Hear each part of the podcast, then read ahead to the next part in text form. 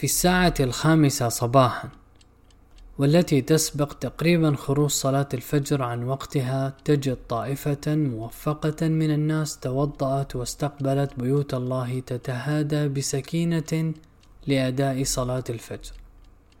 إما تسبح وإما تستاك في طريقها ريثما تكبر. بينما أمم من المسلمين أضعاف هؤلاء لا يزالون في فراشهم بل وبعض البيوت تجد الأم والأب يصلون ويدعون فتيان المنزل وفتياته في سباتهم.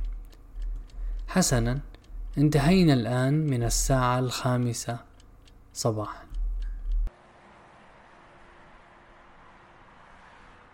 لننتقل لمشهد الساعة السابعة. ما إن تأتي الساعة السابعة والتي يكون وقت صلاة الفجر قد خرج. وبدأ وقت الدراسة والدوام إلا وتتحول الرياض وكأنما أطلقت في البيوت صافرات الإنذار حركة موارة وطرقات تدافع ومتاجر يرتطم الناس فيها داخلين خارجين يستدركون حاجيات فاتتهم من البارحة. ومقاهي تغص بطابور المنتظرين يريدون قهوة الصباح قبل العمل. أعرف كثيرا من الآباء والأمهات يودون أن أولادهم لو صلوا الفجر في وقتها يودون فقط.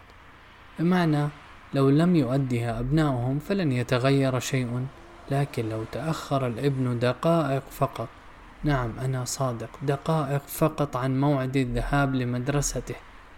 فإن شوطا من التوتر والانفعال يصيب رأس والديه وربما وجدت أنفاسهم الثائرة وهم واقفون على فراشه يصرخون فيه بكل ما أوتوا من الألفاظ المؤثرة لينهض لمدرسته هل هناك عيب أن يهتم الناس بأرزاقهم؟ هل هناك عيب بأن يهتم الناس بحصول أبنائهم على شهادات يتوظفون على أساسها؟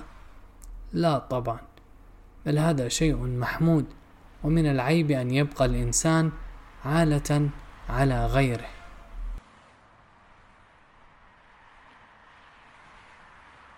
هل يمكن أن يكون الدوام والشهادات أعظم في قلب الإنسان من الصلاة؟ لاحظ معي أرجوك أنا لا أتكلم الآن عن صلاة الجماعة والتي هناك خلاف في وجوبها مع أن الراجح هو الوجوب قطعا لا أنا أتكلم عن مسألة لا خلاف فيها عند أمة محمد طوال الخمسة عشر قرنا.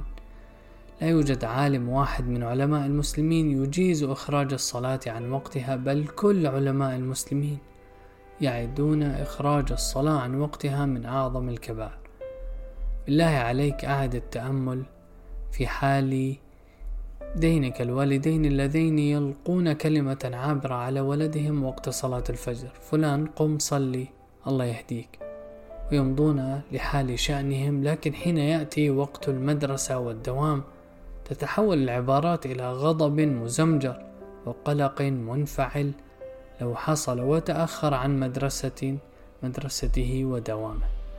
بل هل تعلم أخي الكريم أن أحد الموظفين وهو طبيب ومثقف قال لي مرة أنه منذ أكثر من عشر سنوات لم يصلي الفجر إلا مع وقت الدوام. يقولها بكل استرخاء مطبق على إخراج صلاة الفجر عن وقتها منذ ما يزيد عن عشر سنوات. وقال لي مرة أحد الأقارب إنهم في استراحتهم التي يجتمعون فيها وفيها ثلة من الأصدقاء من الموظفين من طبقة متعلمة. قال لي إننا قمنا مرة بمكاشفة من فينا الذي يصلي الفجر في وقته.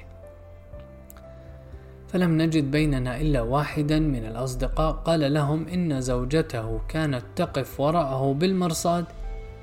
هل تصدق أنني لازلت أدعو لزوجته تلك؟ يا الله هل صارت المدرسة التي هي طريق الشهادة أعظم في قلوبنا من عمود الإسلام؟ هل صار وقت الدوام الذي سيؤثر على نظرة رئيسنا لنا أعظم في نفوسنا من ركن يترتب عليه الخروج من الإسلام؟ هذه المقارنة الأليمة بين الساعة الخامسة والسابعة صباحا هي أكثر صورة محرجة تكشف لنا كيف صارت الدنيا في نفوسنا أعظم من ديننا بل وانظر إلى ما هو أعجب من ذلك فكثير من الناس الذي يخرج صلاة الفجر عن وقتها إذا تأخر في دوامه بما يؤثر على وضعه المادي يحصل له من الحسرة في قلبه بما يفوق ما يجده من تأنيب الضمير إذا أخرج الصلاة عن وقته. كلما تذكرت كارثة الساعة الخامسة والسابعة صباحا وأحسست بشغفنا بالدنيا وانهماكنا بها بما يفوق حرصنا على الله ورسوله والدار الآخرة شعرت وكأن تاليا يتلو علي من بعيد قوله تعالى في سورة التوبة قل إن كان آباؤكم وأبناؤكم وإخوانكم وأزواجكم وعشيرتكم وأموال اقترفتموها وتجارة تخشون كسادها ومساكن ترضونها أحب إليكم من الله ورسوله وجهاد في سبيله فتربصوا حتى يأتي الله بأمره. صدق الله العظيم. ماذا بقي من شأن الدنيا لم تشمله هذه الآية العظيمة؟ هل بلغنا هذا الحال التي تصفها هذه الآية؟ ألم تصبح الأموال نقترفها والتجارة التي نخشى كسادها أعظم في نفوسنا من الله ورسوله والدار الآخرة؟ كيف لم يعد يشوقنا وعد ربنا لنا في سورة النحل إذ يقول ما عندكم ينفذ وما عند الله باق. أخي الغالي حين تتذكر شخير الساعة الخامسة صباحا في مقابل هدير السابعة صباحا. فأخبرني هل تستطيع أن تمنع ذهنك من أن يتذكر قوله تعالى في سورة الأعلى بل تؤثرون الحياة الدنيا والآخرة خير وأبقى.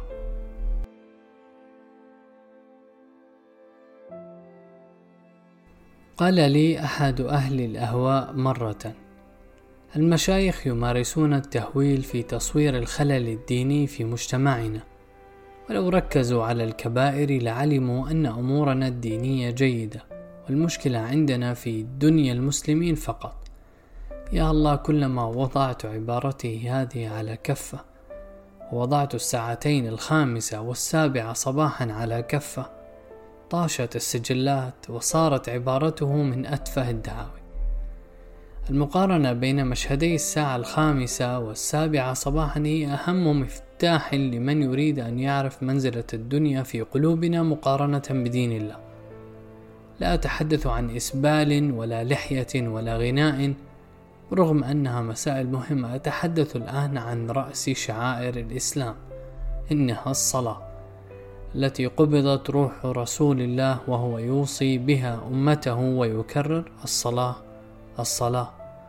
وكان ذلك آخر كلام رسول الله كما يقول الصحابي راوي الحديث. بل هل تدري أينما هو أطم من ذلك كله؟ أن كثيرا من أهل الأهواء الفكرية يرون الحديث عن الصلاة هو شغلة الوعاظ والدراويش والبسطاء. أما المرتبة الرفيعة عندهم فهي ما يسمونه السجال الفكري والحراك الفكري وهي ترهات آراء يتداولونها مع أكواب اللاتيه. يسمون الشبهات وتحريف النصوص الشرعية والتطاول على أئمة أهل السنة حراك فكري. الصلاة التي عظمها الله في كتابه وذكرها بضعة وتسعين موضعا تصبح شيئا هامشيا ثانويا في الخطاب النهضوي والإصلاحي ألا لا أنجح الله نهضة ولا إصلاحا تجعل الصلاة في ذيل الأولويات. المهم لنعود لموضوعنا. فمن أراد أن يعرف منزلة الدنيا في القلوب مقارنة بدين الله فلا عليه أن يقرأ النظريات والكتابات والأطروحات عليه فقط أن يقارن بين الساعتين الخامسة والسابعة صباحا. وسيفهم بالضبط كيف صارت الدنيا أعظم في نفوسنا من الله جل جلاله.